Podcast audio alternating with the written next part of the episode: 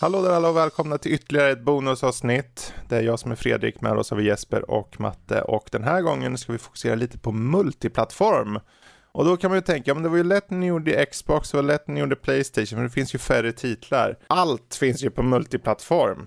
Ja, men det är också det som gör det roligt att gå in på då. För då kan man leka lite med, men vad är det för några Ubisoft-titlar? Eller vad är det för några liksom Square? Eller vad är det för några liksom valfri, lägg in er publisher här, moment liksom. Um, som vi ska gå in och prata om. Och då är det som vanligt, vilka spel är vi mest hypade för? Uh, finns det några potentiella förändringar över just de, här, de olika plattformar som finns och kan påverka under året på ett mer generellt plan? Finns det något som kanske släpps i hårdvaruväg eller liknande? Och sen avslutar vi säkert med något drömspel som vanligt. Okej, okay, men tänk om de släpper Half-Life 3 Ja, och så tänk. är hela världen tyst. Och ja. mm, tänk. Mm. Ja, den trean får vi vänta på tror jag. Portal 3 då? Portal 3, det hade varit något faktiskt. Mm. Mm. Ja, ja, med det sagt, vi börjar med att hoppa in på just vilka spel vi är mest hypade för. Jag tänker vi kommer ta två var. Men vi börjar med en per person och vi hoppar över till Jesper. Yes. Och eh, ser vad du har först. Vi kan väl ta det mest uppenbara först, som är typ uppenbarast för typ hela befolkningen känns det som. Och det är Elden Ring, From Softwares mm. nya Open World Dark Soulsiga spel som verkar ta Precis. blanda lite typ Breath of the Wild med Dark Souls-spelen. Mm. Eh, vanligtvis har jag inte varit så jätteförtjust i just den här genren av Souls-likes innan. Eh, dels för att det är så långt emellan checkpoints när man dör och det är utmanande på samma gång så det känns som att man måste backtracka väldigt mycket och att det var ett väldigt trånga mm. utrymmen man går emellan. Men det verkar det här spelet göra en ganska stor skillnad med. Och vad jag har sett utöver det har jag sett att checkpoints överlag kanske är lite mera kompakta och närmare varandra. Eh, mm. Uh, och sen dessutom att Breath of the Wild, vilket det här spelet verkar ta väldigt mycket inspiration från med upptäckarglädjen och allt. Och, gör mig väldigt intresserad. Och en annan aspekt mm. som också är väldigt värd att nämna är ju att det är George R.R. Martin som har gjort världsbygget i det här spelet. Vilket är väldigt intressant eftersom att han har gjort eh, hela Game of Thrones-universumet, eh, Song of Fire and Ice. Det ska bli intressant att se hur han tar sig an ett spel för första gången. Mm. Även om det kanske, det kanske blir mera story-fokus på detta kan jag tänka mig än och floor-fokus överlag. Ja, än, alltså eh, han, det är ju som du sa, det är ju worldbuilding där. Mm. Det är ju inte som att han, eh, vad jag har läst och hört så är det inte så mycket att det är en jättestort djupt narrativ på det här sättet. Men att det finns lår och det finns en berättelse i låren. Som du läser så kan du få, okej, okay, jag förstår, nu hänger det här ihop och så skapar du en berättelse där. Uh, det är precis det som Breath of the Wild mer eller mindre. Breath of the Wild är också ett spel som har väldigt mycket, det har en del lore i typ undangömda textböcker mm. och liknande, men själva huvudnarrativet har inget jättestort att komma med. Mm. Nej, och det, jag, jag, det, det, går ju lite hand i hand med hur From Software har gjort sina spel. Eh, sådär. Det har ju aldrig varit något så här att jag, jag kan inte säga något av spelen och, och själv veta, okej, okay, ja men Dark Souls, det handlar ju om Arne som eh, får ett äpple och flyttar till Jönköping. Nej, det är inte så tydligt. Nej, det är väl för att alla deras narrativ är ju så bundna till eh, världen som spelen mm. utspelar sig i och den berättas ju väldigt mycket subtilt i bakgrunden. Så det är väldigt Precis. mycket att du måste ju själv pussla ihop eh, narrativet i ditt huvud väldigt ja. mycket. Och där känner jag för min del, den typen av spel tappar mycket för mig mest på grund av att om om jag missar den här saken eller jag missar den här, mm. ja då missar jag ju plot points. Uh, men oftast, oftast för From Software så är det ju medvetet, det, det, är ju en fokus på ett gameplay liksom. Och jag tror så som det ser ut att utveckla det här spelet, med den här mer uh, öppna världen, är ju verkligen, jag tror det är ett intressant steg framåt faktiskt. Det, det ska bli jättespännande att se vad folk tycker om det här.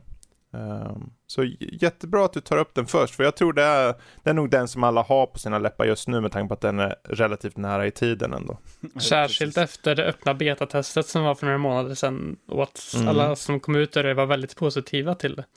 Gör att ännu mer Precis. hype har byggts upp och jag tror ju att det här kommer leverera för fans eftersom att eh, mm. ifall det bara är det som, den lilla man kan se i betatestet är någonting att utgå ifrån så tror jag att eh, ja, men det får vi se. Sen valde de också ja. att eh, upp, skjuta upp spelet lite grann. De hade ju det först mm. nu i januari att de skulle släppa det. Men mm. efter en liten tag så kommer det inte släppas förrän den 25 februari. Vilket Precis. också enligt mig oftast är ett gott tecken på att de tar sin tid med spelet. Att de, mm. de vet att det inte skulle vara sin fulla potential om de släppte det i januari. Eh, Precis, men det är bra. Ta slipa extra mycket och jag vet ju att de, de har ju fört in nytt eller mycket större element av character building i det här spelet. Som är ganska nytt mot tidigare soulspel. Så det känns som att det finns mycket nytt här. Jag vet inte om uh, jag personligen kanske är någon som kör souls. Men jag alltid, något de alltid lyckas med att de fångar intresset hos alla känns det som. Liksom. Ja. Oavsett om alla spelar eller inte. Precis. Ja. Spännande, men vi hoppar vidare till dig Matte. Vad, vad har du för något spel först ut då, som du känner här ser jag fram emot? Ja, ska man börja stort eller ska man börja lite smått? Ja, men mm. eh, nu eh, gick ju Jesper och slog på mastodonttrumman där. Då kan jag ta något som är lite mindre. Eh, okay, ja. Jag nämnde det lite i, eh, för, i förra specialavsnittet, eh, lite i förbifarten när vi pratade om Xbox. Uh, och då var det i form av ett önskespel. Uh, Evil Dead The Game kommer. Mm. Uh, där vi i en slags asymmetrisk match, skulle jag gissa på. med människor mot deadites i en asymmetrisk multiplayer-fest. där vi spelar som karaktärer från Evil Dead-filmerna och mm. ifrån Ash vs. Evil Dead-serien också. Um, jag var lite skeptisk först, för jag ville ha ett single player-spel. Men ju Precis. mer jag tänker på det så tänker jag, men alltså det kan nog vara kul. Det, mm. det, det, ser ut som att det kan vara väldigt underhållande i alla fall. Just eftersom att eh, jag gillar att det inte är att det är en övermänsklig varelse emot resten av eh, folket. Utan att man, det, det känns som att, folk, att man är på lite mer lika villkor, men att de som spelar som, eller den som spelar som eh, eh det onda döda mm. eh, har lite mer fördelar om man säger så. Precis. Mm. Ja, nej men mycket riktigt. Det, det, kan bli bra faktiskt. Ja. Det är kul med, det är ju aldrig fel med mer Evil Dead. Nej, så är det precis. Mm. ja, ja, men eh, från en, ett film-IP till ett annat då tänkte jag säga. För eh, det som jag, en av dem som jag ser mest fram emot är faktiskt Lego Star Wars The Skywalker Saga. Och eh, då skulle man kunna tänka, men du, du har ju uttryckligen sagt att du är lite trött på särskilt de senaste filmerna.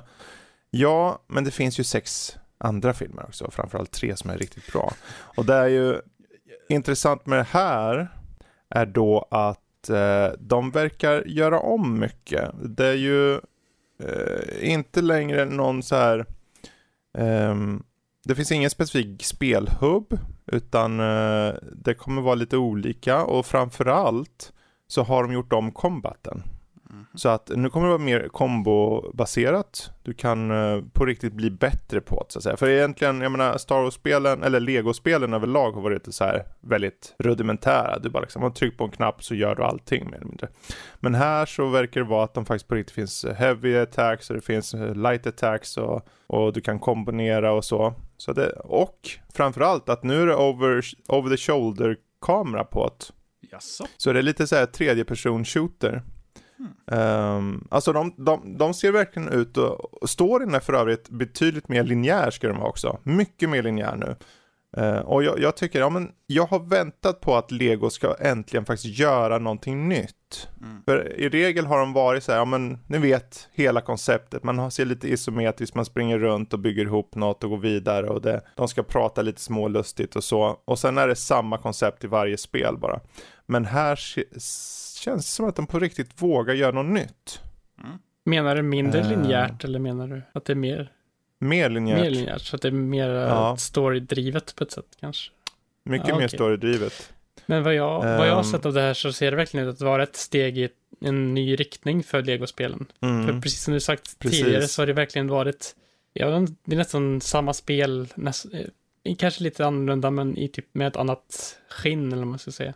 Ja, Så exakt. Det, ja, Precis. något nytt Så, behöver de. men ja, och jag tror det, det kan ge liv åt uh, spe, legospelen överlag, de kommande också. Mm. Eh, och det här är ju lite ett mastodontspel nu med nio filmer då. Eh, och det ska vara 300 spelbara karaktärer då och allt vad det heter och så. Jösses. 300, va? Ja, ja, men det är ju lego, du låser upp dem och så kan du byta emellan och så. Eh, men eh, eh, det hade, jag hade, det hade datum förut ett tag eller? Och sen tog de bort det till early 2022. Eh, jag vet att just nu är det i alla fall tidigt 2022 ska det komma ut, så jag har inget exakt datum. Jag kan ha förhandsbokat deluxe-utgåvan. Kanske. Eh, och det är första gången faktiskt för legospel överlag som jag bokar. Men jag, jag hoppas och jag tror att det är att jag inte kastar pengar i sjön här.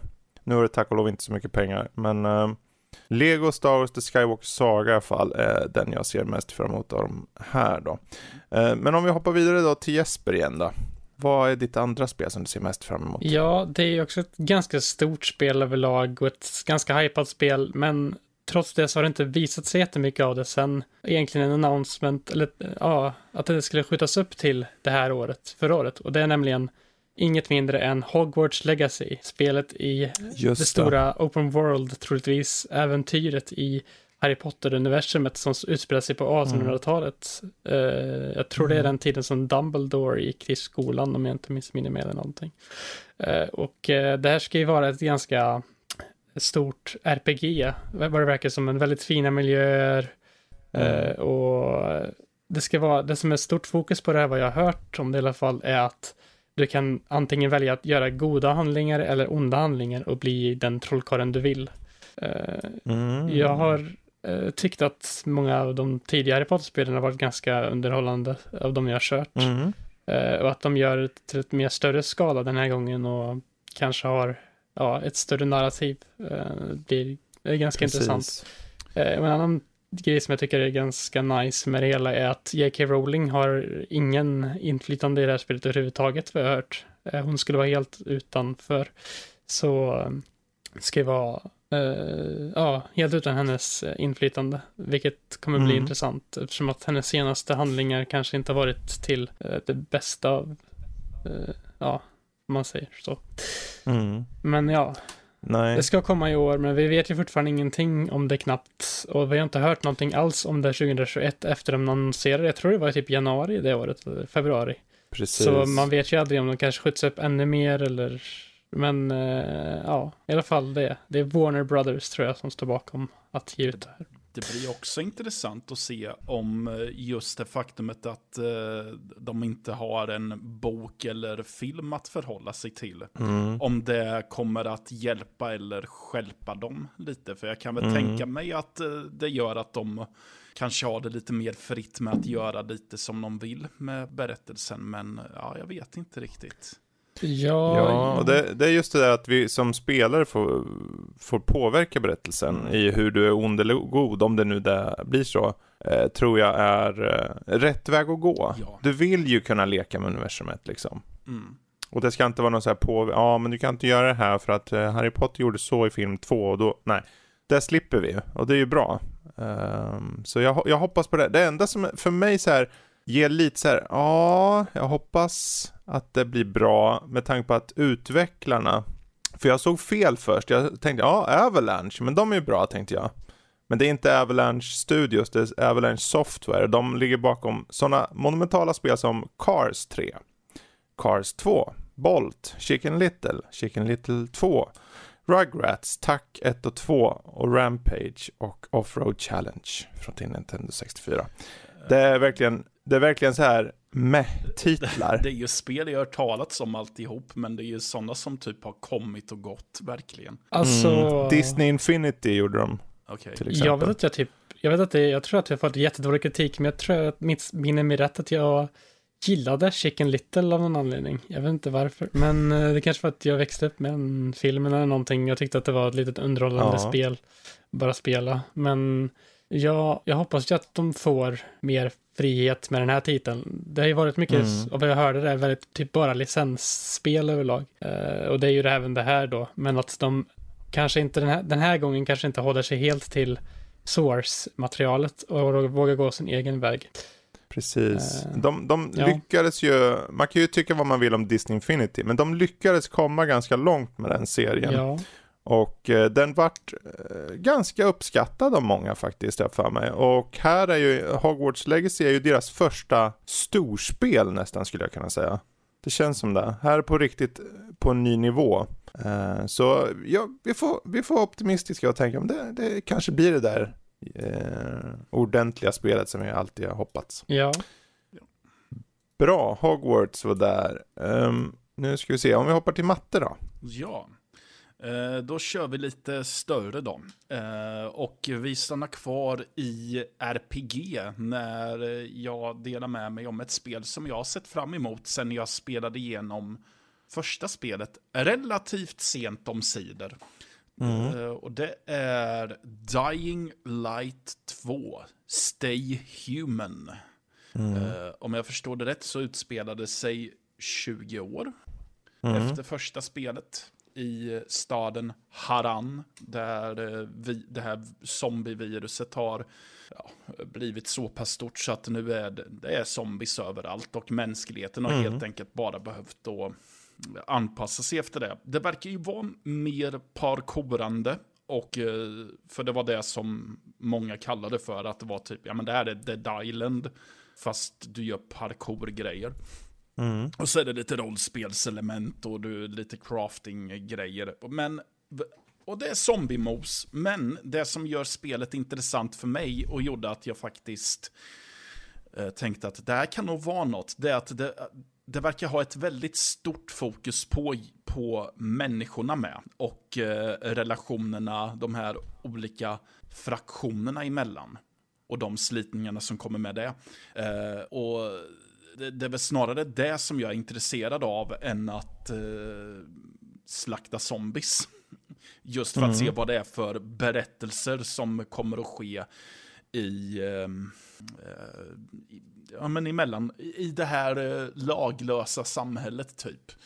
Eh, och eh, ehm, ja, jag, jag tyckte att det verkade intressant just att man utforskar mänskligheten mer än hur den har påverkats av att befinna sig i den här nya verkligheten. Sen är zombies ett faktum, definitivt, men ja, det, det ska bli spännande att se vad de gör med det. Och sen hur mycket man kan påverka berättelsen också.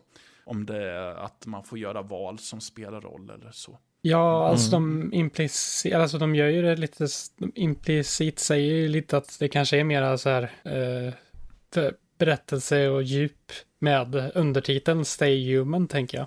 Mm. För det är ju verkligen så här, hur, hur ska du hålla dig mänsklig i en tid där zombieinfektionen är ett faktum och vi måste överleva och jag tror att, jag hoppas ju verkligen på eh, det här med jag tror ju vad jag har sett från olika trailers, olika previews och olika presentationer de har haft på dem, de har lagt ganska mycket fokus på just det här att berättelsen och narrativet, narrativet i det här spelet kommer vara eh, ett väldigt stort fokus. Och eh, beroende på hur eh, det gör så senare så kan jag definitivt vara intresserad av att kolla in på det. Eh, för det verkar intressant faktiskt. Ja, för första spelets narrativ, det var ändå ett ganska klassiskt sånt här zombie-outbreak eh, berättelse. Så det blir intressant hur man följer upp det sen. Att ja, men just det här att det, det handlar inte bara om att försöka överleva för att hitta någon som kan rädda en, utan här har man liksom funnit sig i att nej, det är den här verkligheten vi befinner oss i. Och vad gör det med människorna i så fall? Ja, det är en intressant titel, verkligen alltså. Ja. Ehm, och det är inte lång tid kvar heller innan den kommer. Nej, det är väl Ehm, lite mer än en månad bara va? Ja, typ- den fjärde, fjärde februari, Oj. om jag Mm. inte är helt ute och cyklar. Ehm, ja, men intressant. Intressant. Ehm, ja, men om vi hoppar över till mig då. Eh, för min del så är mitt andra spel eh, ett litet svenskutvecklat spel. Jag går lite litet här. Det är Planet of Lana helt enkelt. Planet of Lana. Japp. Ja. Och det är så här eh, en liten ung flicka och hennes lojala vän som ska ut på någon slags även, så här, eh, äventyr helt enkelt. Ehm, och Eh, de ska rädda eh, världen kanske och liknande. Men det är pusseläventyr som har inslag av sci-fi. Så, och jag tycker det, det har sett så vackert ut bara när jag har sett det. Uh, och det är just den här utforskningen av den här färggranna världen och intressanta vänskaper man kan skapa med konstiga varelser och, uh, och det ser ut att vara lite mer uh, okonventionellt så, mm. trots att det ser väldigt sött ut. Okonventionellt gillar vi. Mm. Mm. Eller? En odyssé helt enkelt, säger, säger de i alla fall. Om det stämmer, då återstår att se. Det ska komma någon gång nu under 2022 och uh, Thunderful Publishing som släpper det. De har ju släppt många av de här små, söta, fina äventyren och det här svenskutvecklade spelet ser ut att vara en av dem. Mm. Så den, den ser jag fram emot faktiskt. Ja, uh, ganska mycket. Jag har, alltid, jag har haft den på radarn längre än de flesta har, eftersom att jag såg den på en um, mässa i Skövde för några år sedan. Tyckte den redan då, det, det var väldigt tidigt i utvecklingsstadiet då. Jag tyckte redan då att det mm. var väldigt intressant. Jag tycker det tar nästan en liten typ Studio Ghibli-esk stil med sin färggladhet och liksom mm. det här. Ja, det ser väldigt lite Journey-eskt mm, ut fast i serieskrollande. Så, ja. ja. Uh, och fokus på berättelse och, och så. Det, ja, jag, jag, kan vara skönt med så en liten uh, en liten fin berättelse bara, som inte är så här onödigt lång heller, som många spel ibland blir tycker jag. Mm. Um, så, men uh, ja, där har vi det. Så nu har vi gått igenom i alla fall ett par spel var då och jag tänker om vi ser till just det är ju svårt att säga, ja, men hur ser det ut på multiplattformar under 2022? Vad, vad, tror vi händer? Jag tror det är mer så här, vad, vad, hoppas vi sker rent generellt bara i spelåret 2022? Uh, och jag tänker, ni kan ju klura lite, för jag har egentligen två saker först då, som jag hoppas kunna se. För först har vi Intel som ska släppa nu på våren nya grafikkort. Och, och, eh, då, och det är, helt, det är jämt det tjat, men grafikkort, det var ett jäkla tjat om de här grafikkorten. Ja, skillnaden är att det har inte funnits en tredje eh, operatör på marknaden i över 20 och 30 år. När det började med grafikkort, när jag var ung, då fanns det massor med olika märken som alla gjorde egna grafikkort. Eh, och sen till slut så köptes den ena upp och den andra och till slut så var det bara två kvar. Och vad, hur bra är det att ha en marknad där det bara två stycken som hela tiden och en av dem leder egentligen och den andra bara försöker komma efter.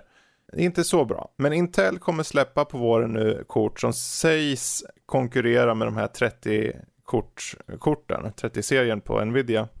Eh, och gör de det och faktiskt har enligt Intel då väldigt bra priser så kan det påverka väldigt mycket. Det påverkar inte bara eh, andra grafikkortstillverkare kanske. Det kan också påverka, det kan ju, det ger ju en ripple-effekt. För om, om det blir mättat på grafikkortsmarknaden -huh. och folk blir mätt, liksom klara med konsoler. För om, för om folk börjar köpa de här grafikkorten, för de, om de här Intel-grafikkorten är bra och alla som har väntat på AMDs till exempel grafikkort ja. och köper de här istället.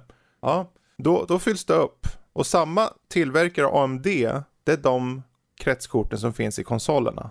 Så om ingen köper AMDs grafikkort lika mycket, mm. då finns det fler AMD-grafikkort för konsolerna. Och finns det fler konsoler och det blir mättat mm. mer, då blir det inte samma rush på konsoler. Så det ena leder till det andra då. Och det är ju potentiellt en utgång med att Intel släpper egna grafikkort. Ja, sen har vi väl också den här klassiken om att eh, när det finns konkurrens så finns det också en vilja att skapa så bra produkt som möjligt. Ja, Precis. Det, det kan även öppna upp för till exempel Nintendo att kanske faktiskt för en gångs skull ta det här steget att sätta nya grafikkort i en ny konsol för det var ju mm. ryktat som det mycket för med eh, förra årets OLED-släpp att det skulle komma att det skulle vara en egentligen Nvidia 4K Tegra 2-kort eller vad det nu var, Mm. som skulle ingå i den här, men att på grund av det här uh, chip shortage som har varit i hela världen blev det inte riktigt av, men de ändå, släpp, men de ändå släppte den här OLED-varianten med OLED-skärmen. Så ifall Precis. de ska rulla, då kanske det kan komma att de går framåt där också och kanske blir lite Mm. mera framåttänkande på det sättet än de har varit nu. För de, inte för att vara så, men de har ju varit väldigt tillbaka styrda av just prestandan på sin, på switchen helt enkelt. Så, Precis. Det finns nog något i det, för jag tänker en strategi från dem, i och med att det fanns rykten om en 4K-enhet. Och det är ju många gånger så rykten har ju någon grund någonstans. Jag tror de hade något på G, eller har något på G. Uppenbarligen kommer det kommer ju komma något efter switchen, det vet ju alla.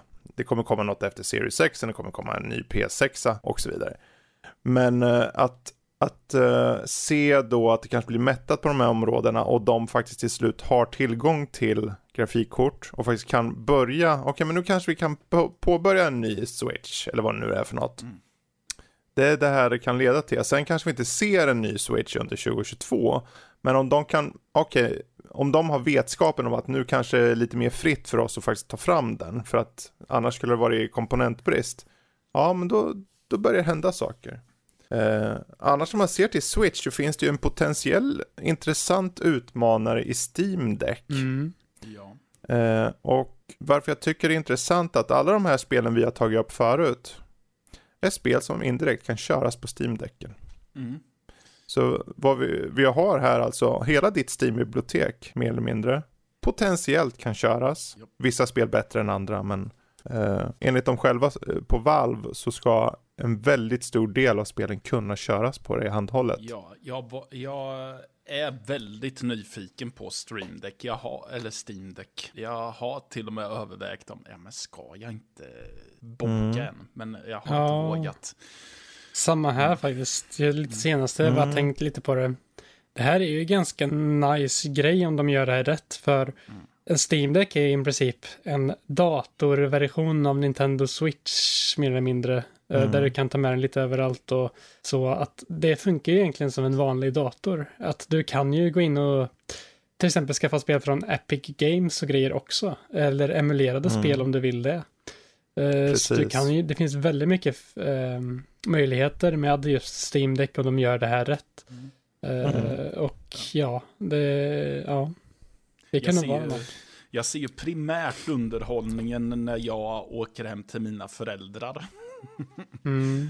Så, och blir uttråkad. Ja. Så, nej, men då kan jag fortsätta på det där spelet jag påbörjade hemma. Precis. För jag menar, har du bara, du, all, Steam Cloud har funnits i många år. Så att bara köra vidare på, på den handhållna enheten är ju guld värt. Ja. Eh, sen går det lite så här, ja, för de som är mer så här, tekniskt bevågade. Att om man vågar, ja men jag vill, jag vill mixtra lite, jag vill föra in, det är ju som du säger Jesper, en dator. Då kan man göra det. Men om du inte vill, om du bara vill starta upp det och köra, så har de ju det här gränssnittet, jag kommer inte ihåg vad det heter, men det finns ju redan nu, den här mer konsolliknande gränssnittet. Så mycket hänger där tror jag, för du vill, det här är ju en fusion mellan eh, den mer, vad ska man säga, de mer ambitiösa eh, PC-nördarna liksom som vill ändra på allting och konsolmarknaden. För konsolmarknaden, om, om rent generellt, nu, nu kommer jag hårdra här, men rent generellt så vill man bara sätta sig med en konsol och du ska fatta. Mm. Det är ju så. Så att du behöver ha så även på eh, Steam-däcken. Att den lyckas vara så pass bra i, i gränssnitt att vem som helst kan köra den. Det är då de på riktigt kommer nå långt tror jag. För om det är för intrikat, okej du måste göra en installation här, du måste välja mapp. Nej, nej, du ska bara trycka på en knapp och det ska installeras och du ska inte bry dig. Det ska vara så enkelt om du vill från start. Det är då de kan komma någon vart. Um, men det hänger ju också på att gränssnittet funkar som det ska och det funkar lätt och det är tydligt och intuitivt. Precis. Ja, det ska bli intressant att se, för vissa PC-spel specifikt har ju lite svårare kanske för att köra med kontrollsettings än andra spel. Att de egentligen är gjorda för just tangentbord och mus primärt och hur de kan försöka överföra det på ett bra sätt på Steam-däcken. För det kommer ju vara Mm. vissa spel som fungerar sämre än andra, tänker jag spontant. Men Ja, men absolut. Eh, men det roliga i alla fall överlag då, om det nu kommer nu under våren, så har vi alltså en till bärbar plattform som har hela ditt Steam-bibliotek var du än är. Eh, och konkurrensmässigt, ja, det finns nog många som har funderat på Nintendo, men kanske inte är den publiken som spelar den typen av spel. Så om man då mot förmodan kanske sitter på, på en dator bara, en liten halvdassig äldre dator eller relativt ny, och tänker att jag skulle vilja ha någonting att få med mig i mina spel, då är det här en perfekt mellanväg, verkligen. Mm. Och, och det bör ju tilläggas att det finns en dockningsstation till den. Så att om du vill plugga in eh, tangentbord, externa bildskärmar, trådlöst nätverk, USB-utrustning överlag, ström, allt det här, USB-C-hubbar, det finns på den ja, på den lilla dockan. Eh, den kommer sä- säljas separat vet jag, men den kommer finnas där så att indirekt kan du ha, jag vet inte hur många som jobbar i så här corporate miljö, men där är det ofta så här att du har en, en dockningsstation, så du tar med din bärbara dator hem, arbetar och sen kommer du till jobbet bara klickar i den och sen är det igång. Och här blir det lite samma sak fast bara för spel liksom. Och du kör det på din skärm, tv eller på din dataskärm. Så jag tror det kan bli intressant och jag tror det kan påverka mycket för eh, det hänger mycket på gränssnittet bara dock. Men eh, det är i alla fall de potentiella förändringar jag kan se. Jag vet inte om ni har kommit på något som ni tänker rent allmänt kan vara intressant för spelåret 2022 i påverkan. i det som är överlag, det är väl till alla plattformar, de nya Next Gen-plattformarna, eller Current Gen som de är nu, eh, att vi för först kanske på riktigt börjar se lite mer titlar utannonseras som verkligen tar nytta av de nya konsolerna och de nya grafikkorten och allt. Med den nya Unreal Engine 5 som vi såg ett litet exempel Mm. på där i The Matrix Awakens som man har en eh, PS5 som man kan ladda ner och testa det demot på eller liknande. Eh, Precis. För det visar ju verkligen på att realism, eh, realismen i spel kommer kunna tas så mycket längre nu i de Mm. kommande åren. Så jag tror att det ska bli intressant att se vad för titlar som utannonseras och vad för riktning de alla olika tänker gå överlag. Det är alltid så nästan varje år. Man vet ju aldrig vad som kommer hända förrän, det händer, alltså förrän de visar någonting längs sommaren vid E3 Nej. och sånt. Men eh, det känns som att i år kan bli ett extra speciellt år på många sätt. Ja, verkligen. Ja, och sen så, vi har kommit in över ett år nu i den nya generationen av konsoler. Och kon- de konsolerna är ju mer eller mindre PC-arkitektur, så att den här för, för, några år, för några generationer sedan, ni vet när det var svårt, ja, ah, porta det här spelet, det är så svårt, det tar tre år att porta. Vi har sett spel komma betydligt snabbare till PC, men också vice versa, att eh, PC-spel snabbare kommer till konsoler. Och jag tror att det här året kommer vara ett sånt där ganska tydligt år att eh, det handlar inte så mycket om vilken plattform du spelar, mer som att alla spel kommer finnas mycket mer tillgängliga för oss. Ja, Eh, Jag menar herregud, kan man köra, jag kan sitta och köra The Witcher 3 med ordentlig grafik på Steam Deck. jo. För, I nej en men du kan spela vad som helst liksom. Eh, egentligen. Och det, det, jag tycker det blir jätte... Och sen just att hårdvaran på konsolerna pushar tekniken framåt. Jag menar de här snabba SSD-diskarna som finns i dem. De ligger ju där och agerar som... Vem vill gå tillbaka nu? Om man har en PS5 och en Xbox Series X och blivit van med de här snabba laddningstiderna. Det har vi haft länge på PC i många titlar. Men nu, nu blir det standard. Så om du går till, tillbaka till en hårddisk, om du har en PS4 eller om du har eh, en X, Xbox One eller en äldre PC så kommer du bara, ah men det här går ju inte. Så att den kommer pusha tekniken, pusha folk till att, och då pressar vi priserna på de prylarna och så. Ja, bra. Ja. Jag ser framför mig ett bra år. Mm.